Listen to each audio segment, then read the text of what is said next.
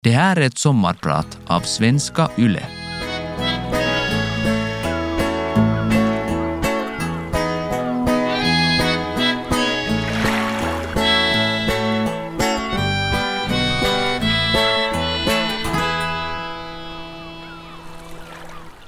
Folk frågar ofta hur det går att kombinera läkaryrke med relativt seriös satsning på triathlon. Svaret är att det inte går. Att vara läkare och samtidigt triatlet på elitnivå är omöjligt. Båda är så pass krävande att man inte kan maxa sin potential i någotdera läger. Ändå så envisas jag med att göra det. Jag försöker tänka att det alltid kommer en semester när jag kan galenskapsträna i kapp det som jag har missat medan jag haft fullt upp med att rädda livet på mina patienter på sjukhuset i Vasa där jag jobbar. Och när startskottet för en tävling väl har gått så brukar jag tänka aldrig, aldrig mer ska jag utsätta mig för det här lidande frivilligt. Men ändå så gör jag det om och om igen. För att jag älskar det. Och jag är envis som synden. Jag heter Aino Luoma. Jag är läkare, triatlet och ska tävla i VM i Ironman på Hawaii 2019. Idag är jag din sommarpratare. Första gången jag kom i kontakt med triathlon var i lågstadiet. Vi var på sommarkoloni i Växala och där hade då ledarna ordnar så här triathlon för ivriga små barn. Det var min bästis Sara som simma, min kusin Carolina som cykla och så minns jag att jag sprang. Och vi vann. Det första fröet i triathlon såddes där. Men sen så får man hoppa ända fram till 2014 då fick jag plötsligt för mig att köpa en begagnad landsvägscykel och så anmälde jag mig till en triathlon-tävling som skulle gå av stapeln samma sommar i Vanda. Och jag minns så bra vilken stämning det var. Jag visste ju inte egentligen någonting om själva grenen och jag öste på allt vad jag orkade. Folk hejade och det var en riktigt positiv feeling hela tävlingen. Fast det var jobbigt så kände jag mig buren och upplyft av publiken. Fjärde blev jag också. Wow, jag var nog direkt fångad. Månaden efter det här så blev jag finsk mästare i halvdistans, det vill säga 1,9 kilometer simning, 90 kilometer cykling och 21 kilometer löpning. Det behövdes nog inte så mycket mer än lite nybörjartur i början för att bli biten. Hela vintern 2018 kände jag mig supertrött. Jag orkade inte träna, jag hann inte träna, sov upp till fyra timmars tupplurar och ändå så var jag bara trött. I och för sig så brukar det ju vara så här från november till mars, för den finska vintern är lång och mörk. Men jag hade ju faktiskt anmält mig till den där tävlingen i oktober. Full distans i triathlon, vet ni vad det betyder? Det är egentligen ett riktigt dåraktigt upplägg när man väl tänker efter. Först så ska man simma i 3,8 kilometer, sen cykla 180 kilometer och sen ett maraton på 42 kilometer som efterrätt. Ironman är triatleternas liga typ som NHL. Första Ironman-tävlingen hölls på Hawaii 1978. Flera år så hade diverse långdistansare debatterat om vilken idrottare som faktiskt är den mest vältränade. Och på så sätt så uppstod den här tävlingen. Det skulle vara det ultimata testet. I oktober 2018 skulle jag tävla i Barcelona i Spanien. Själv så har jag aldrig tävlat i en fulldistanstävling förr, så jag visste inte riktigt vad jag gav mig in på. Förstår ni frustrationen när jag haft en hel vinter på mig för att göra något åt formen? Men typiskt nog så har jag inte gjort någonting åt den. I maj så fick jag då ledigt två veckor från sjukhuset och jag åkte ner till Mallorca för att cykla lite och träna ensam, vilket jag har gjort flera år i rad. Jag trivs bra när jag får cykla för mig själv, kan fritt välja rutter och behöver inte heller vänta på någon kaffepaus. Kondisen steg snabbt efter att jag lekt bergsget ett par veckor och i de landskapen blev jag nog snabbt påmind om varför jag tycker att träna är kul. Och att cykla uppe bland bergen, serpentiner upp och ner med enastående vyer är så belönande. Öppet hav, hög fart, svett i ögonen och ljummen vind mot armarna, ja, då njuter jag nog. Man får låta benen jobba uppför och låta dem vila lätt nedför. Och såklart måste man ju se till att nu ingen cyklar förbi en heller. Man märker ju nästan inte att man tränar. Förutom då cykelbrännan som uppstår. Den som slutar halvvägs ner på låret och halva bikepsen. Även om det ibland kan bli rätt långtråkigt. Det är nog inte bara en eller två gånger som jag har tänkt i motvinden någonstans i Jurva eller Vörat varför. Varför gör jag det här? Det är så tråkigt. Vad är det liksom för dumhuvud som cyklar ensam på något platt fält var man redan har cyklat hundra gånger? Jag skulle lika gärna kunna stanna, stiga av, kasta cykeln i diket. Målet såklart, det är ju tävlingen. Men en tävling är ju bara en liten fis i rymden. Går det dessutom dåligt så har man ju kastat bort hela sin fritid på att träna. Behövs ju bara en punka eller två för att det ska vara kört. Eller att cykeln inte ens kommer fram med bagage. Nej, det är nog bara att fortsätta brottas med de österbottniska backarna, det vill säga motvinden, och samtidigt låta pannbenet växa. För den mentala styrkan är nog helt klart också avgörande. Men efter Mallorca i fjol gick sommaren åt att jobba, jora, träna efter jobbet så mycket man hann och orka. Som vanligt så tröstade jag mig med att jag skulle ha semester i september. Då skulle jag hinna träna faktiskt. Glädjligt till triathlon i oktober, eller hur? Hoppades på att jag skulle kunna hinna maxa formen. Simma, cykla och springa. Vet ni hur mycket man hinner fundera medan man tränar? Medan man nöter asfalt hinner man fundera på allt från att Korsholm faktiskt borde fixa sina vägar innan någon går och faller här och får en hjärnblödning. Och ibland så hinner man så långt att man hinner fundera att skulle man vilja bli kremerad eller satt i kista? Man hinner tänka tusen tankar och ändå inga alls. Man hinner bearbeta saker och tömma huvudet. En sak minns jag då att jag tänkte den här hösten, att det skulle vara ganska skönt att sluta efter den här tävlingen. Tänk vad mycket tid man skulle ha. Inga krav på att man skulle borde hinna trycka in ännu en träning här och där, utan göra det vad man bara har lust att känna för. Nå, i oktober skulle jag tävla, kanske då en sista gång. Efter det så tänkte jag att jag kollar hur filisen är. Kanske det skulle få vara färdigt efter den. Skönt. Nu slipper jag tillbringa all min fritid på att tvätta träningskläder, serva cykeln, packa, tanka och tänka på vad man äter, speciellt innan tävling. Min motivation var på nollnivå. Och det enda som folk frågade mig när de mötte mig var att när ska jag tävla? Hur går det med träningen? Är du i form? Egentligen orkar jag inte prata om det, utan mumla bara att ja tack, att formen är på stigande, hej då. Och det var förvisso korrekt, men jag berättade inte för någon att det här kanske skulle bli min sista tävling. Äntligen var det då dags för den här tävlingen i Barcelona. Tävlingsdagen som inföll i oktober började med åska och regn. Hela landskapet dryper av fukt innan vi ens har hunnit komma igång. Jag stör mig på allt och blir irriterad för minsta lilla, precis som det ska och faktiskt brukar vara. Efter att alla geléer, saltpiller, sportdryck, reservinneslangar, verktyg, skor och hjälm är med så är det bara att ställa sig i bajamajakön och sen stressa vidare mot starten. Alla står och väntar där på stranden i de här startboxarna. Väntar på att få rusa ut genom startboxarna och springa i vattnet.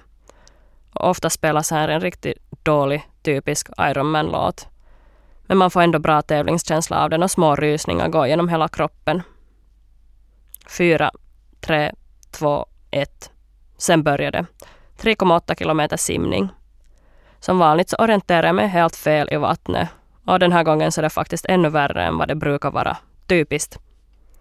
Genast så tänker jag att där rök väl chansen på medalj. Så onödigt med all tid till spillo. All den här uppoffringen helt förgäves. Vågorna är stora och långsamma. Helt det motsatta från vad jag är van vid här hemma. De piskar mig i ansiktet och när jag andas så får jag kallsupar av saltvattnet. Vågorna skymmer sikten och det är faktiskt svårt att se de här bojorna som ska leda mig fram. Och det känns som att det aldrig tar slut. När jag tävlar så tänker jag inte på något annat än tävlingen. Tankarna är här och nu och som bäst samlade på simmomentet. Jag försöker hålla kurs och komma bakom någon som är lite snabbare än mig för att få lite gratis fart. Men tyvärr så är det oftast någon jäkel, ofta en man som den här gången också, som halvt simmar över mig. Och sen så fortsätter han ännu att simma bredvid mig nära varenda hans armtag slår mig antingen i huvudet eller i ryggen. Skulle jag vara lite större så skulle jag nog simma över honom också. Men det är nog bara bäst för mig att jag flyttar på mig då den här gubben inte verkar förstå vad han gör. Simningen är evighetslång, boj efter boj och tar aldrig slut. Och jag skäller på mig själv att jag borde ha tränat lite mer simning i vintras. Men det här är nu för sent nu. För sent med alla borden. Efter två kilometer så börjar ett litet hopp gro. Nu syns ju faktiskt den där stranden. Och det är bara lika långt kvar. Jag tar mig upp på stranden, lättad och andfådd. Jag har faktiskt ingen aning här om vilken placering jag ligger på. Men man hinner inte tänka så mycket för nu ska man ju vidare på att cykla 180 kilometer. Bara att springa till ombytesstället snabbt, snabbt, snabbt. Och äntligen så kommer jag då till den här grenen var jag kan avancera. På med cykelhjälmen. Väl på cykeln är jag som hemma igen. Tanka energi och försöka att inte hossa för mycket, men ändå vara snabb och effektiv. Hålla koll på med vilken effekt jag trampar. Komma ihåg att dricka och ta geléer. Trots att cyklingen är klart längst tidsmässigt så känns den oftast kortast. Det duggregnar på cyklingen. Spansk asfalt brukar betyda att det är bra glid, det vill säga jättehalt. Rutten går genom flera rondeller och jag passerar medtävlaren som ligger med skinkorna framme efter att deras byxor har gått sönder i fallet när de kom för hårt in i en kurva. Där vill jag inte ligga, säger jag till mig själv och behåller lugnet och tempo. Och plötsligt så har jag lagt tillbaka cykeln i ställningen. 180 kilometer passerar ganska lätt. Bara maraton kvar. Yes. Då gäller det att dra på mig skorna och kuta iväg. De första tre kilometrarna känns lätta eftersom benen fortfarande är bortdomnade och de fattar inte vad de gör. När de väl fattar vad de varit med om så börjar det sakta kännas lite tungt. Men det är faktiskt inte benen som känns särskilt tunga, utan det är armarna. Gisses, här springer du maraton efter att ha cyklat 180 kilometer och så är det armarna som gör ont. Då är det bara 39 kilometer kvar att springa. Jag försöker dela in loppet i varv för att ta mig an det i etapper. Lite i gången, bara lite till. Mellan 20 och 30 kilometer är det oftast tyngst. Det skulle vara så skönt att bara gå till sidan och se på när resten springer. Men nej, det gör jag inte. Löpningen är nog det värsta i ett lopp. Man hinner fundera en massa, både bra och dåliga tankar angående loppet i huvudet. En tanke som återkommer de flesta längre tävlingar är nog att aldrig, aldrig mera att varför gör jag det? Hur kan jag göra det här frivilligt? Nåja, inte kommer jag på något bra svar och fortsätter. Ju snabbare man springer, desto kortare är också lidande. Hur många kilometer är det kvar? Aldrig mer ska jag utsätta mig för sån här frivilligt lidande. Det är ju inte behagligt på något sätt. Jag drömmer om en Red Bull-station. Armarna gör ont och plötsligt så skär det till i den där vristen som bråkar hela vintern. Nu känns det som att knivar går ut och in. Men det är inte mycket kvar nu. Någon hojtar att jag är sjunde, sen så säger någon att jag är först. Jag blir lite konfunderad. Men så ser jag att jag redan har lyckats varva de finska proffsen. Herregud. Undrar vilket varv de här andra är på då. Leder jag faktiskt? Och plötsligt så går det upp för mig att det är bara fem kilometer kvar. Nåja, det börjar ju flyta igen. Bara att hålla tempo. Och vid två kilometer så sätter jag i den sista växeln. Det sista jag har. Och snart är det över. När jag väl springer över mållinjen så har det gått 9 timmar och 27 minuter. Så skönt. Vissa faller ihop och vissa kan inte ens gå. Borde jag faktiskt känna mig så här fräsch? Jag går och kollar resultaten och faktiskt så vann jag min klass. Det här gick ju faktiskt nog riktigt bra. Inte nog med det. Jag vann min klass betyder också att jag kvalar in till Ironman World Championships 2019 på Hawaii. Den mest prestigefyllda tävlingen som man som triatlet kan delta i. Hur ska jag nu kunna sluta? När jag var liten så var jag rädd att mamma och pappa skulle dö. När de var ute på resa eller bara på något ärende i närheten så målade jag alltid upp ett worst case scenario i huvudet. Och dök de inte upp hemma på exakt den tiden som de hade sagt, så då antog jag förstås att de hade dött i någon bilolycka eller något annat minst lika dramatiskt. När man är liten får inte ens föräldrar dö. Mamma är bäst, vet mest, kan mest och är den man söker sig till när man behöver något. Också som vuxen. Mamma var nog den mest snälla person jag någonsin träffat. Jag minns att jag var avundsjuk på mina kompisar för att hon var så snäll mot dem. Kompisarna trivdes hos oss. Mamma hade nog det där lilla extra, kanske rättvisan och godheten, som gjorde att de flesta trivdes hos oss. Det tror jag nog att alla kan hålla med om. Men det hände så snabbt. En varm sommardag för elva år sedan så förändrades allt. Jag hade en olustig känsla den dagen, men anade aldrig att den skulle sluta som den gjorde. Mitt i allt var hon som kände mig bäst och som jag gillade allra mest borta. Kommer ihåg ännu den känslan idag. På en sekund känns det som att allt försvinner. Mattan dras bort under dig. Hur kan det gå så snabbt? Jag var inte alls redo för sånt här då. Det kändes inte rättvist. Kvar stannade en klump av ängslan i bröstet. gjorde att matlusten försvann, att man inte tänkte så himla rationellt. Jag var tillbaka på mitt dåvarande jobb följande dag och dagen efter det. Jag påminde mig själv om att man måste äta och komma ihåg att sova. Efter en eller två veckor, kommer inte exakt ihåg, så gick jag till HVC för att få sjukledigt. Min mamma har dött, jag behöver sjukledigt, sa jag till skötaren i luckan. Sen minns jag väldigt lite. Svara på meddelande av folk som hörde av sig. Kondoleanser och blommor strömmade in. Alltså vadå? Folk vaknar till liv då någon har dött. Har någon någon gång funderat att det kanske skulle vara bra att komma ihåg och umgås medan folk är i livet, så man vet vem som bryr sig? Klichéaktigt, men här ser man nog vem som är de riktiga vännerna och vem som bara är nyfiken. Det behövs inte mycket och det är viktigt vad man skriver. Minns en som tyckte att det var så hemskt att min mamma hade dött och så jämförde hon det med sin gamla muffas död. Ja, jättesynd att din muffa dog men jag orkar faktiskt inte fokusera på honom nu.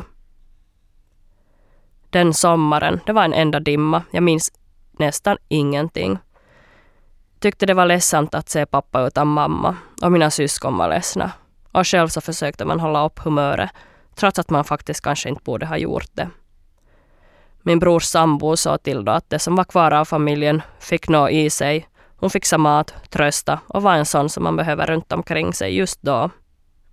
Ser man på bilder som är tagna den sommaren syns en tom känsla i ögonen. Ett fejkat leende, men jag var helt lost inuti. Sommaren och begravningen var fin. Sorglig, men fin. Folk hade vackra tal. Synd att folk får alla de fina talen först efter sin död. Man borde vara bättre på att säga de fina orden då folk är i livet. Samma dag som begravningen var så fick jag veta att jag hade kommit in på Uni för att studera medicin. Shit, efter allt det här. Jag hade ju faktiskt nästan glömt bort det här med medicin. Hur skulle jag orka med det? Mina syskon och pappa uppmuntrade mig att flytta. Det blev lite som en ny start. Kanske skulle jag kunna göra skillnad i någon annans liv. Jag visste inte alls tidigare vilket yrke jag skulle vilja hålla på med. Mamma sa alltid att läkare är ett bra yrke. Jobb finns och egentligen kan man jobba med det yrket var som helst i världen. Jag såg också upp till mina syskon och speciellt till min äldsta bror som också är läkare. Dock är vi ingen läkarfamilj utan föräldrarna har haft helt andra yrken. Jag heter Raino Luoma. Jag är läkare, triatlet och din sommarpratare idag. Efter mammas död så blev jag störd på många ytligheter och små problem som folk har. När folks största bekymmer är att de inte har något att sätta på sig eller att inte komma iväg på en resa eller what not. Det är sådana små potatisproblem. Orkar inte med sånt längre. Orkar inte upprätthålla kontakten till sådana som hakar upp sig på små detaljer som i det stora livet faktiskt inte betyder ett piss. Suger du mer energi av mig än vad du ger så då får det vara. Det mesta jag oja och voja mig över tidigare så det spelar faktiskt ingen roll. Det spelar ingen roll hur mycket man tjänar, hur fet eller hur smal du är, vilka skor du har, vart du reser på semester och så vidare. Vissa saker kan man ändå inte få, hur mycket man än skulle vilja. Och det som på riktigt betyder någonting, det kan inte köpas för pengar. Det känns ännu som jag och min mamma skulle haft mycket att dela. Som om döden kom lite för snabbt. Jag var nog den första i min kompiskrets vars förälder dog. Hade inte riktigt någon att prata ut med bland jämnåriga. Senare har ju också ens närmare vänners föräldrar dött och det märks ju nog att folk behöver prata av sig. Ofta så har man mycket gemensamt i sorgen. Inte för så länge sedan så stod jag med en kompis och hennes mamma och tjöt i Giganti. Stackars kundbetjänare som kom förbi och fråga, että onko kaikki ok. Juu, juu, kyllä kaikki on ihan ok täällä, svarar vi. Mellan allt gråtblandat skratt. När man pratar så känns det lättare. Speciellt med sådana som har mist en viktig människa i sitt liv. Om något gott har kommit ur det så är det väl att jag har kommit närmare min övriga familj. Mina syskon är inte längre lika elaka med sin lilla syster. De är till och med hjälpsamma ibland. Och faktiskt så kan man ha god nytta av syskon. Och de har nog hjälpt mig med både praktiska grejer och visa hur vuxenlivet funkar. Och min pappa, som före min mammas död jobbar väldigt mycket, har jag faktiskt nu lärt känna ordentligt. Och han står mig väldigt nära idag. Skrämmande många likadana egenskaper har jag upptäckt att vi har, både på gott och ont. Och nojig som man är med sitt yrke i bakfickan så blir man en sån där som håller lite extra koll på just pappa. Har han inte hört av sig på en vecka så måste jag i alla fall gå in på WhatsApp och kolla att han ens har varit aktiv någon gång under de senaste dagarna. Eller ringa eller skicka ett meddelande. Oftast så är han ju bara busy och lever ett skönt pensionärsliv. Han är väl den enda i familjen som har ett aktivt socialt liv. Men med tiden så lär man sig att leva med sorgen. Det är inte något jag går och funderar på varje dag längre, men vissa dagar, då man ser gamla bilder, så saknar man nog mamma extra mycket. Ibland skulle det vara så skönt att få träffa henne igen, berätta lite vad man har gjort, hur man har haft det, fråga råd eller annars bara vara nära en stund. Att hon någon gång skulle få se vad hennes lillpluttu har åstadkommit. Att jag har klarat mig helt okej okay i alla fall. Mina tre syskon och pappa är underbara, men de är inte mamma. Många gånger sväljer jag gråten i halsen. Mamma är alltid mamma. Som idrottare är jag envis och uthållig. Inte särskilt explosiv, men styrka finns. Jag har bra spelöga och bollsinne. Men tyvärr inte så stor nytta av dem i just triathlon, som till slut blev min gren. Jag har varit lagom bra i de flesta grenar, men inte riktigt superbra på någon. Det var kanske just därför triathlon passade mig så bra. Jag är inte bäst på något, men bra på det mesta. Även om jag håller på med en individuell idrott så älskar jag lagsporter. Det är kul att spela när man är ett team. Folk fattar hur man springer och passar i exakt rätt sekund. Oj, oj, jag saknar nog lagsporter ibland. Teknik, fart, spelupplägg. Handboll var länge min favoritsport, men det finns ju inga lag i Vasa. Fart, kontakt och mycket mål. Däremot får eventuella lagkamrater vara glada att jag just valde triathlon. Som tävlingsmänniska kan mitt humör hetta till rejält när någon klåpar. Om det går dåligt i triathlon har jag bara mig själv att skylla, vilket i och för sig känns bra. Det är bara att se sig själv i spegeln, eller försöka skylla på chefen som gett för lite ledigt. Min första sport var ändå ridning. I flera år som åkte jag skit dagarna i ända, levde på mikropizza och red så mycket jag orkade. Jag älskar fortfarande hästar, hästskit och hästsport. Den där känslan när jag lyckas skapa förtroende för någon riktigt envis ponny eller en 700 kilos bjässe, den är svårslagen. När hästen sen litar på dig och gör exakt som du säger. Jag tror att en stor del av mitt temperament och envishet kommer från stallet. Jag ger inte efter förrän du gör som jag vill. Och det här vet vi ju alla. Hästflickor ska man inte börja brottas med om man nu inte vill förlora. Mitt liv utspelas inte bara på triathlon-tävlingar, i bullabutiken eller på träning.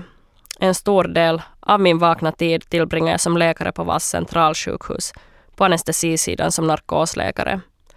Jag håller på att specialisera mig till akutläkare och det tar ungefär lika länge som medicinstudierna gjorde, det vill säga cirka sex år.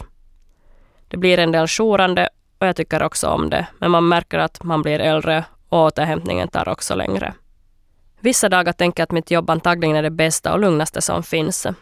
När adrenalinet pumpar stabilt i kroppen, saker flyter som de ska. Sjukskötarna läser dina tankar innan du ens har hunnit säga dem. Patienterna kommer in i ett jämnt tempo. Riktigt sjuka människor, lite mindre sjuka människor. Man hinner med och har kontroll över situationen. Andra dagar springer jag oavbrutet hela natten, både på avdelningen och på akuten. Och när klockan närmar sig fem på morgonen, jag har varit vaken i snart 22 timmar, gått på WC noll gånger och både blodkoffein och glukoshalten är för låga, ja då kommer det ju ofta en återupplivning på morgonnatten eller en större stroke. Värst är det att bli väckt fem sex tiden på morgonen. När jag är trött, har mycket jobb, besvärliga patienter, många i kö, sura anhöriga, ja då skulle man ibland vilja lägga sig ner och gråta. Men man sköter situationen så gott man kan Förklara för anhöriga vad som händer och vad som har hänt, ringer eventuella samtal och sköter om vården. Det är bara att bita ihop, det är mitt jobb. Att palla stressade situationer i kvadrat. Men man måste också komma ihåg att man bara är människa och ingen supervarelse. Man kan inte rädda allt och alla. Folk dör, det hör till livets gång. Ibland kommer det tidigare än väntat, vilket alltid är tråkigt. Ibland blir man tvungen att fatta sådana beslut som en anhörig eller patienten själv inte ännu är redo för. Men ur min professionella medicinska synvinkel så gör jag det som är bäst för patienten. Sällan är saker svartvita. Det kommer inga typexempel som man kan läsa om i medicinböckerna. Ändå är vi läkare också människor med känslor. När man nyligen till exempel skött en större hjärnblödning med pessimistisk diagnos och tagit hela diskussionen med familjen och anhöriga, så då kan det kännas smått irriterande att någon annans anhörig i rummet bredvid går an om hur dålig maten är och hur långsamma lekarna är idag. Ibland är det svårt att orka vara glad och trevlig när man just levererat en dålig prognos. Men vi gör alla så gott vi kan, precis varje dag. Jag uppskattar att vi alla har ett gemensamt mål och hjälps åt för att uppnå bästa möjliga resultat för patienten. Och så har vi riktig rokohumor. När vi är ute och äter med kollegorna så är det skönt att man slipper vara aktsam med orden och termerna. Ingen blir räcklad här mitt i maten. De har sett det mesta. Men också dagar när vi har något mer komplicerat fall är det skönt att kunna prata om det och briefa det. Överlag så har vi superbra stämning bland läkarna på sjukhuset, vilket betyder mycket. På fritiden är jag inte lika duktig på att vara social. På jobbet orkar jag vara energisk och glad, men på fritiden är jag ofta den där tråkiga som inte orkar göra någonting. Med åren har både idrotten och jobbet som läkare fått mig att fundera mycket på livskvalitet. På jobbet ser jag att livet snabbt kan ta slut och på cykeln hinner jag fundera. Hur vill jag leva min sista tid? Vad är viktigt för just mig? Före min vinst i Barcelona Ironman och min kvalificering till Ironman World Championships 2019 i Hawaii var jag som sagt i en svacka. Jag funderade mycket på om det ens var värt att fortsätta. Men efteråt var det, som ni kanske gissar, helt omöjligt att sluta. I oktober är det dags för mig att göra mitt livs häftigaste tävling. En sån chans får man bara en gång och då säger man inte nej. Det är bara att ladda om. Hawaii kommer nog att bli den tuffaste tävlingen jag gjort. Jag förväntar mig nog inga supertider efter alla skräckhistorier jag har hört, men att utgångspunkten är samma för alla, så vi får se. Tuffast kommer det att vara värmen, luftfuktigheten och vinden. Kanske någon av er testade att springa förra sommaren när det var 30 grader mitt på dagen. Antagligen inte. På tävlingen finns inga skuggor var du kan gömma dig. Det är bara att vänja sig. Viktigt är att hålla huvudet kallt. Också bokstavligen. Och efter tävlingen, då ska jag nog ta paus.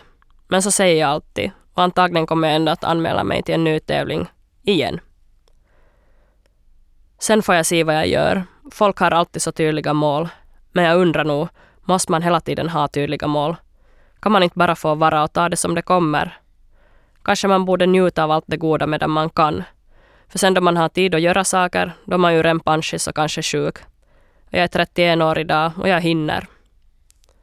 Och just nu så har jag två mål. Och det är att placera mig så bra som möjligt på Hawaii och sen att få specialläkarpapperna i min hand. Resten sköter sig själv försöker jag tänka. Lite stressad blir jag nog när jag jämför mig med mina kompisar som forskar och doktorerar, bildar familj, gifter sig, skiljer sig, gifter sig igen. Vad gör jag egentligen? Vaknar, jobbar, tränar, äter, sover. Men kanske människan alltid vill ha det vad man inte får. Säkert finns det någon trebarnsmamma där ute som suktar efter mina tre timmars långa tupplurar på eftermiddagen. Eller att jag kan äta bullar om jag inte orkar laga mat för jag behöver inte koka åt en hel flock. Ibland känns det som att jag måste välja mellan mitt yrke och sporten. Men för mig är det viktigt att ha något att falla tillbaka på när kroppen inte orkar mer. Jag har sett hur det går för en del idrottare som inte har något annat än idrotten. Och man kan ju inte säga att det finska samhället har varit särskilt bra på att stötta dem heller. Och förresten, hellre så gör jag nog en jour mera än att stå och göra reklam för något tandkrämsmärke. För det är inte direkt som om pengarna regnar över finska idrottare. På jobbet har jag ändå en möjlighet att själv utvecklas. Jag vill aldrig ge upp den delen. Trots en del bakslag i mitt liv så brukar jag ändå vara nöjd när jag tittar bakåt. Det har alltid funnits mer bra saker än dåliga. Jag är väldigt kritisk till mig själv.